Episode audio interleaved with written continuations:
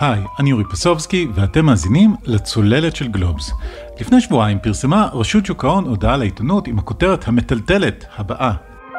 הוועדה בראשותו של פרופסור יפה, המייעצת לממונה על שוק ההון, דוקטור משה ברקת, בנושא ההוצאות הישירות, הגישה דוח ביניים עם המלצותיה.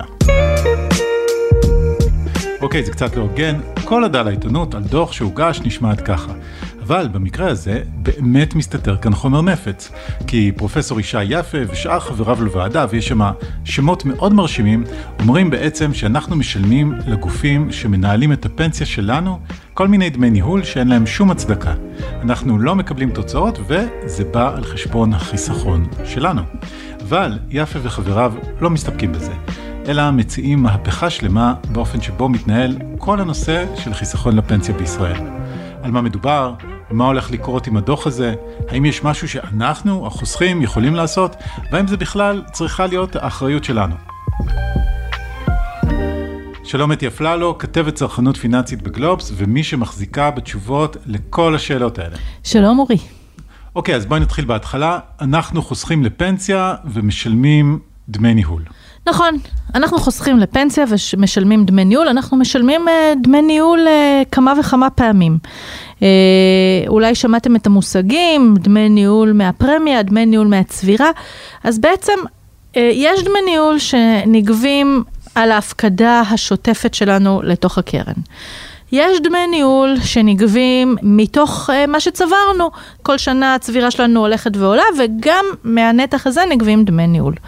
ובנוסף לכך, יש מה שנקרא גלגול הוצאות. הגופים שמנהלים לנו את הכסף קיבלו איזשהו היתר לגלגל חלק מההוצאות על ניהול הכסף על החוסכים. אוקיי, okay, אז זה מה שנקרא עמלות ניהול חיצוני? נכון, זה מה שנקרא עמלות ניהול חיצוני או הוצאות ישירות. הממונה לשעבר בעצם באה ואמרה, אתם לא יכולים לגלגל כמה שאתם רוצים, אני בעצם עוצרת את הגלגול הזה, והתחיל איזשהו משא ומתן, אה, בזמנו זה היה נושא מאוד מאוד סוער, עם הרבה לובינג בכנסת גם, אה, כמה מגלגלים ולצורך אה, מה, בסוף נקבע מגבלה של 0.25 אחוז. אה, שהמגבלה הזאת אין לה באמת איזושהי הצדקה כלכלית עמוקה מאחוריה, ובעצם בא הממונה הנוכחי ובא ואומר לוועדה, תגידו לי, מה אנחנו בעצם מצפים מהגופים לדעת לעשות לבד, מה מותר לגלגל, ובכלל, כאילו, מה אתם חושבים על כל מגבלת ה-0.25? אוקיי, אז אם אני מבין נכון, אנחנו מדברים על זה שגופי הפנסיה יכולים לתת למישהו אחר, אה, הרבה פעמים זה מה שנקרא קרנות השקעה פרטיות. נכון. לנהל חלק מהכסף אה, במקומן, והם משלמים להם בשמנו עוד 0.25 דמי ניהול. נכון. בנוסף על מה שהם גובים מאיתנו. נכון. אגב, צריך להעיר שקרנות השקעה פרטיות זה נשמע משהו מסתורי כזה, אבל uh, אני חושב שאנחנו מכירים אותם uh, היטב מהתרבות הפופולרית. Uh, נניח מהסרט מכונת הכסף, ששם uh, מנהל קרן הגידור, מייקל ברי, מזהה את בורת הנדל"ן של 2008, מהמר נגדה, עושה המון כסף למשקיעים שלו. The whole housing market is propped up on these bad loans. They will fail. ויש את הסדרה מיליארדים שגם בה יש אה, מנהל קרן אה, גידור, בובי אקסלרוד, עם אה, טקטיקות יותר מפוקפקות, וגם הוא מנהל את הכסף עבור משקיעים מוסדיים, נדמה לי, כולל קרן הפנסיה של כבאי העיר ניו יורק. It's because the code is wrong. Ask him to go against the DNA, which is telling each of you to be greedy. Yes, subjugate and conquer. Because that's who we are. Capitalism harnesses that better than any other economic model on earth. לא חסרות דוגמאות, אלה הרבה פעמים אה, טיפוסים די ססגוניים. נכון, אה, בעצם אה, יש פרקטיקה שחלק מהכסף מעבירים לניהול חיצוני. למה זה קורה? יש את הסיבה היבשה ואת הסיבה הקונספירטיבית. הסיבה היבשה אומרת שיש התמחויות בניהול שהגופים המוסדיים לא יכולים לייצר. למשל בניהול מאוד עמוק אה, של אה, חברות במשבר, שצריך אה, לתפוס אותם, להחליף שם דירקטוריונים, להחליף הנהלות ולהביא אותם לאיזה turn around. או ניהול בתחומים מאוד ספציפיים, כמו תשתיות, שצריך הבנה עמוקה בפרויקטים. והמוסדים שמנהלים תיקים באמת עצומים, אנחנו מדברים עכשיו בישראל על היקף של שתי טריליון שקל. לא מפתחים תתי התמחויות ספציפיות, ולכן הם מוצאים את הכסף לניהול חיצוני. והסיבה השנייה, טיפה יותר קונספירטיבית באמת, אומרת דבר כזה, יש איזשהו מועדון סגור, איזשהו מעגל של אה, אנשי שוק ההון, הם מתחילים אה, בעבודה בגופים המוסדיים, שם הם נתקלים אה, מהר מאוד בהגבלת שכר, אז מה שקורה שבאיזשהו שלב הם פשוט עוברים את הכביש, מקימים קרן השקעות פרטיות עם דמי ניהול מאוד גבוהים, ומקבלים מאותם גופים מוסדיים כסף לניהולם, ושם הם בעצם עושים את המכה. אז אה, אתה יכול לבחור למה להאמין, לסיבה האמיתית, לסיבה הקונספירטיבית, האמת היא מן הסתם איפשהו באמצע. רגע, אז לחובבי הקונספירציות, אז הרעיון הוא שמנהל או מנהלת קרן פנסיה, יש לה אינטרס לתת חלק מהכסף אה, שהיא מנהלת לאיזושהי קרן פרטית, כי היא יודעת שיום יבוא וגם לה תהיה קרן כזאת? כן, לגמרי. אוקיי, okay, וכשאנחנו מסתכלים על קרנות ההשקעה הפרטיות, באמת יש שם יוצאים אה, של הגופים המוסדיים? כן, כן. לגמרי, אה, חלק גדול מהתעשייה הזאת הם אה, בוגרי התעשייה המוסדית לשעבר. אוקיי, okay, אז יש שלל הסברים למה התעשייה הזאת קיימת. בואי נכניס לתמונה את ועדת יפה. מה ועדת יפה באה? היא באה וצריכה לבחון בבסיס את שאלת גלגול ההוצאות, כלומר האפשרות להוציא כסף לניהול חיצוני. היא באה ועושה בעצם עבודה טיפה יותר מרחיבה וגם ההמלצות שלהם טיפה יותר מרחיבות. הם באים ואומרים ככה, קודם כל בוא נראה מבחינה עובדתית מה בעצם נותן הגלגול הזה. הרי אם אנחנו אומרים, אנחנו מוצאים כסף לניהול חיצוני מתמחה, מניחים שהוא יציג גם צורות יותר טובות ממה שאנחנו עושים בעצמנו. אחרת, מה בעצם הרעיון? אנחנו מוציאים את זה החוצה בשביל שיעשו יותר טוב במשהו שאנחנו לא יכולים לעשות בעצמנו. אז הם פשוט הלכו ובדקו עובדתית את התשואה שהשיגו פה מנהלי הקרנות בעשור האחרון, וראו שאין תשואה עודפת על ביצועי אה, שוק המניות בהעברת כסף לקרנות השקעה פרטיות. אז רק לחזור על הנקודה הזאת לגבי התשואה העודפת, כי זו נקודה חשובה.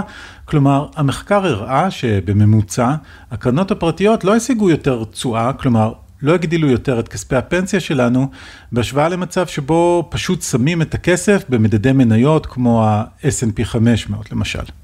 זה לא משהו שהוא ייחודי לישראל, כן? גם קרן העושר הנורבגית עשתה מחקר דומה, השתמשה במתודולוגיה דומה והגיעה לתוצאה דומה שאין בעצם תשואה עודפת בהוצאה לקרנות השקעה פרטיות.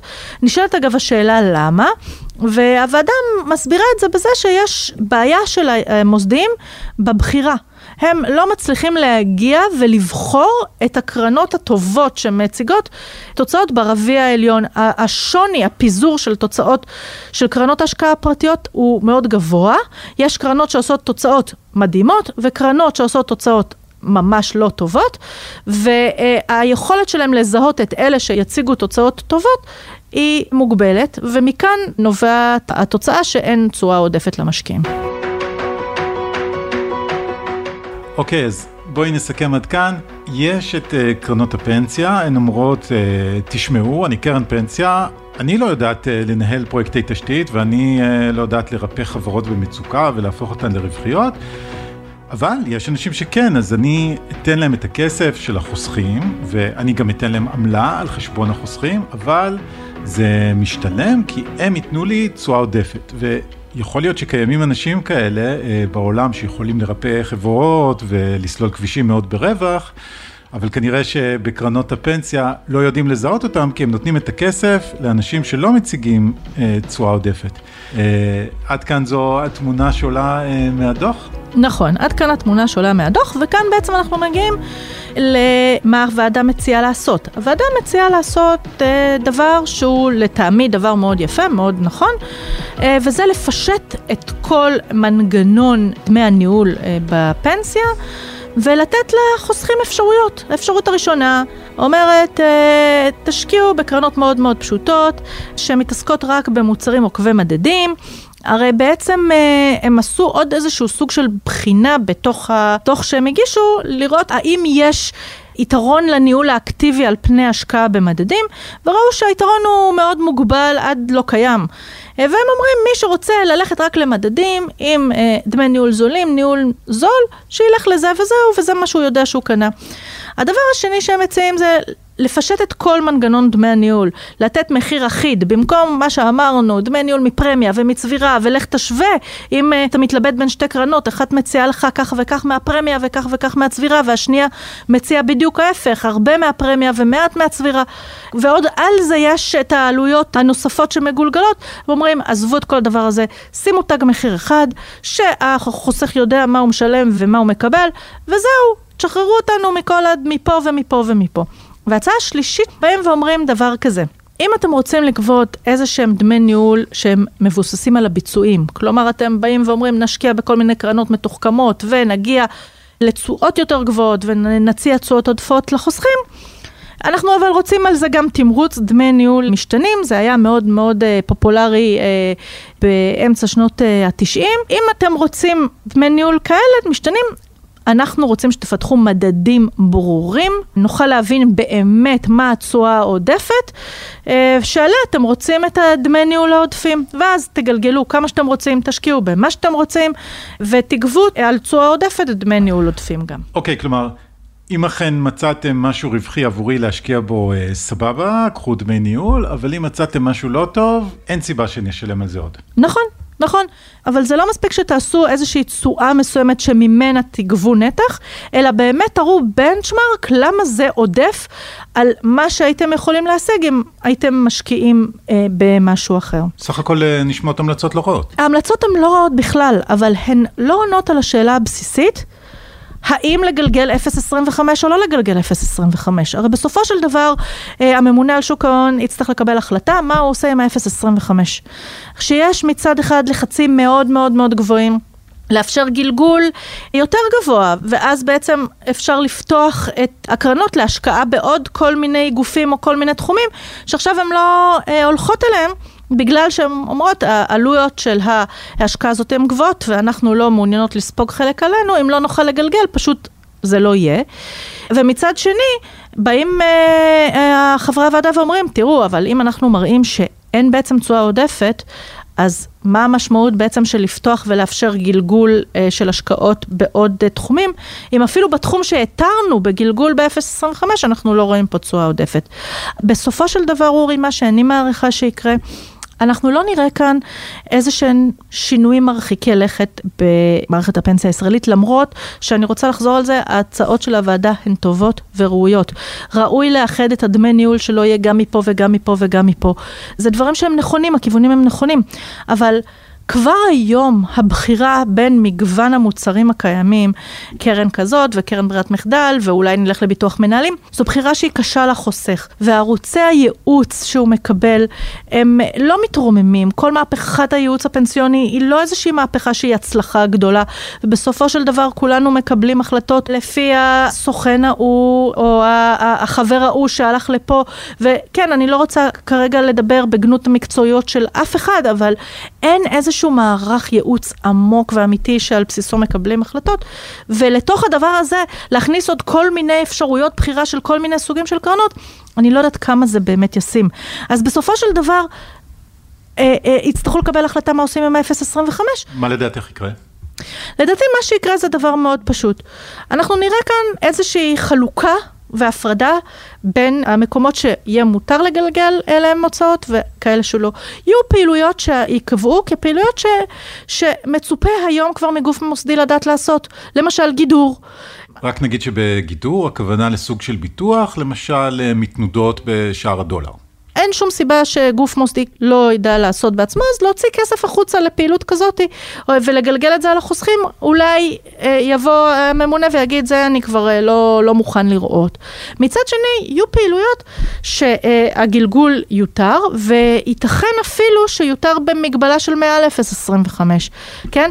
עכשיו, הפעילויות האלה זה פעילויות שהרצון בהם הוא יהיה גם רצון של המדינה.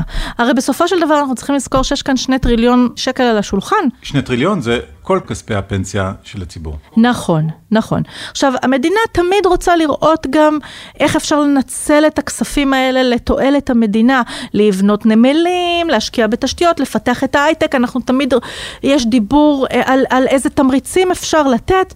אה, אני לא רואה מצב שבו אה, בא הממונה ואומר, אל תשקיעו בקרנות להייטק או קרנות לתשתיות, בגלל שזה לא נותן תשואה עודפת. כן, נכון, אנחנו מצפים כחוסכים שהכסף ילך למקומות שנותנים תשואה עודפת, אבל כאן לדעתי תיכנס גם השאלה של איזה פעילויות אה, המדינה רוצה לעודד, והשאלה היא האם נכון לשקול את השיקול הזה בכלל או לא, אבל זה כבר שאלה לדיון אחר. רגע, אבל זו בדיוק השאלה שרציתי להעלות. אז יאללה, בוא נדבר עליה כאן. אוקיי, okay, תראי, עד כה, כל מה שדיברנו עליו בפתח הדברים, וכל השאלה שוועדת uh, יפה התרכזה בה, היא האם הגופים המוסדיים, כשהם נותנים למישהו אחר עוד מהכסף שלנו כדי שינהל אותו במקום שהם יעשו את זה, האם זה משתלם לנו החוסכים? ואם הגענו למסקנה שאין הצדקה שניתן אפילו עוד 0.25 אה, דמי ניהול למישהו אחר, כי הם לא משיגים תשואה, אז אפשר להתווכח אה, סביב המישור הזה, האם זה משתלם לנו, החוסכים או לא. אבל עכשיו את באה ואומרת משהו אחר. נכון, יש את השיקול הזה של אה, מה הכי טוב לפנסיה שלנו, כי בסופו של דבר הרעיון הוא שנחסוך לפרישה, כן? אבל יש גם את העובדה שחסכנו המון כסף בינתיים, אה, שני טריליון שקל במצטבר, והמדינה רוצה את הכסף הזה, לבנות איתו נמל ואוטוסטרדה וסיבים ומה לא. אבל זה שיקול אחר לגמרי ולא קשור, כלומר, זה לא טובתנו החוסכים, אלא הציבור, המדינה, זה משהו אחר. נכון. נכון, עם השינוי של כל שיטת הפנסיה בישראל וההפניה של הכספים לשוק ההון, נוצר המתח הזה וזה מתח שמלווה את ההשקעות של כספי הפנסיה באופן אינהרנטי, האינטרס של החוסך מול האינטרס של המדינה. בסופו של דבר הגופים המוסדיים הם מנהלים את הכספים שלנו בנאמנות עבורנו והאינטרס שלהם הוא להשיג לנו, החוסכים, את התשואה הטובה ביותר. המדינה, בשביל באמת לעשות אה, אה, שימוש במרכאות בכספים האלה, או לנתב אותם למקומות שהם אה, נכונים למדינה ברמה הלאומית, לעודד תעשיות שהיא חושבת שנכון לעודד, היא צריכה לראות איך זה יוצא ווין ווין בין החוסכים לבין הצרכים של המדינה. זה לא אה, משהו ישים. אם באמת יהיו פה קרנות השקעה שפעם אחר פעם אחר פעם יציגו תשואות גרועות ויביאו אה, אה, תשואות לא טובות לחוסכים, כמה שהמדינה תנסה לעודד ולדחוף אה, השקעות בהייטק, זה באיזשהו שלב לא ישים, זה לא יקרה. אם לא נגיע למצב של ווין ווין, אה, אה, זה, זה, זה לא יקרה לאורך זמן. עכשיו, המדינה מנסה לעשות כל מיני מנגנונים שזה כן ישתלם. למשל, להגדיל את היכולת החזקה במיזמי תשתיות. הם אומרים, יכול להיות שההשקעה בהיקפים קטנים לא מספיקה אה, בשביל לעניין גופים מוסדיים, יכול להיות שההשקעה בהיקפים יותר גדולים כן תעניין. היא מנסה לתת כל מיני תמריצים. אבל בסופו של דבר, כן, ווין ווין, אחרת זה לא יקרה. התנאי הבסיסי של ההפניה של הכספים האלה אה, לאפיקים האלה, דרך קרנות השקעה, זה שהגוף המוסדי עצמו לא יספוג את העלות של זה. כי אם הוא יספוג, ה... יצטרך לספוג את העלות של זה, הכסף לא ילך לשם. זאת אומרת שבתחומים שבהם המדינה אה, אה, רוצה לעודד את הכספים להגיע לשם, יהיה איזשהו גלגול של עלויות, ועכשיו הצד השני צריך להראות שבאמת אנחנו מדברים בהשקעה שהיא גם משתלמת לחוסכים. יודעת מה, בואי נשנה את זווית ההסתכלות לנקודת המבט של החוסכת הקטנה או החוסך הקטן, כי הרי מדובר פה ב, בכל זאת בדיונים ברומו של עולם, של הממונה על שוק ההון, משה ברקת, וועדת המומחים, וגופי הפנסיה והמדינה, ו...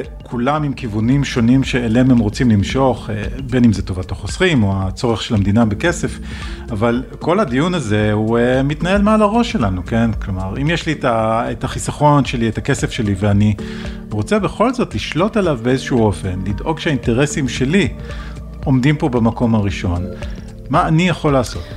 קודם כל מודעות. הדבר הראשון שאתה יכול לעשות, זה שאתה מקבל את הדוח השנתי של קרן הפנסיה, לא לקחת את המעטפה איך שהיא מהדואר ולזרוק לפח, או אם אתה מקבל את זה כבר בדואר אלקטרוני, לא לעשות ישר דלית. עכשיו צריך להבין בעצם מה אתה משלם, הדוחות שלנו אה, עברו איזשהו סוג של פישוט, יותר קל להבין גם באחוזים וגם בשקלים מה בעצם העלות שלך. אה, ו- ולעשות תמיד השוואות.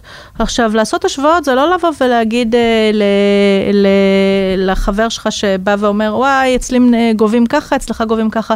בסופו של דבר, מה שנשאר ביד זה התשואה פחות העלות. אם העלות מאוד נמוכה והתשואה גרועה, לא עשית בזה כלום.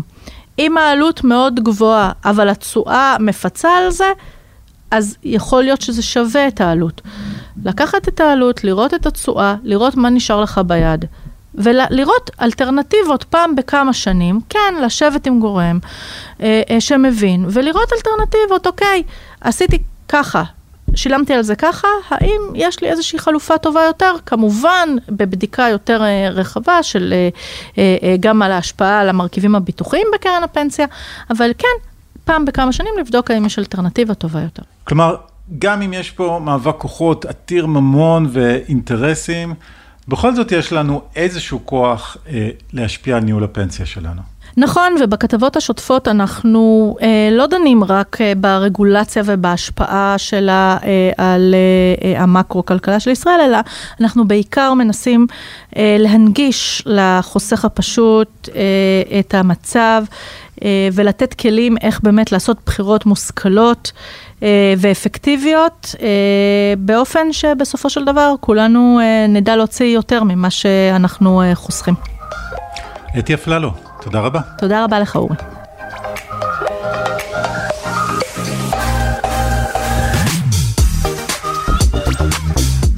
עד כאן עוד פרק של הצוללת. אתם יכולים למצוא אותנו באתר גלובס, בספוטיפיי או באפליקציות החביבות אליכם. נשמח אם תדרגו אותנו גבוה ואתם מוזמנים לשלוח את הפרק לחבר או חברה שרוצים להבין את הפנסיה שלהם קצת יותר טוב. ובהזדמנות הזאת רצינו גם להזמין אתכם להקשיב לסדרה החדשה שלנו, צוללים לתקציב, בהנחיית אמירם ברקת. שילווה בחודשים הקרובים, יחד עם כתבי גלובס ואורחים מיוחדים, את דיוני התקציב, חוק ההסדרים, הדרמה הפוליטית בדרך, כל מה שרציתם לדעת על התקציב והתביישתם לשאול.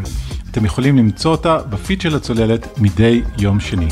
עורך הסאונד הוא ניר לייסט, הילה וייסברג היא עורכת הפודקאסטים של גלובס, אני אורי פסובסקי, ביי!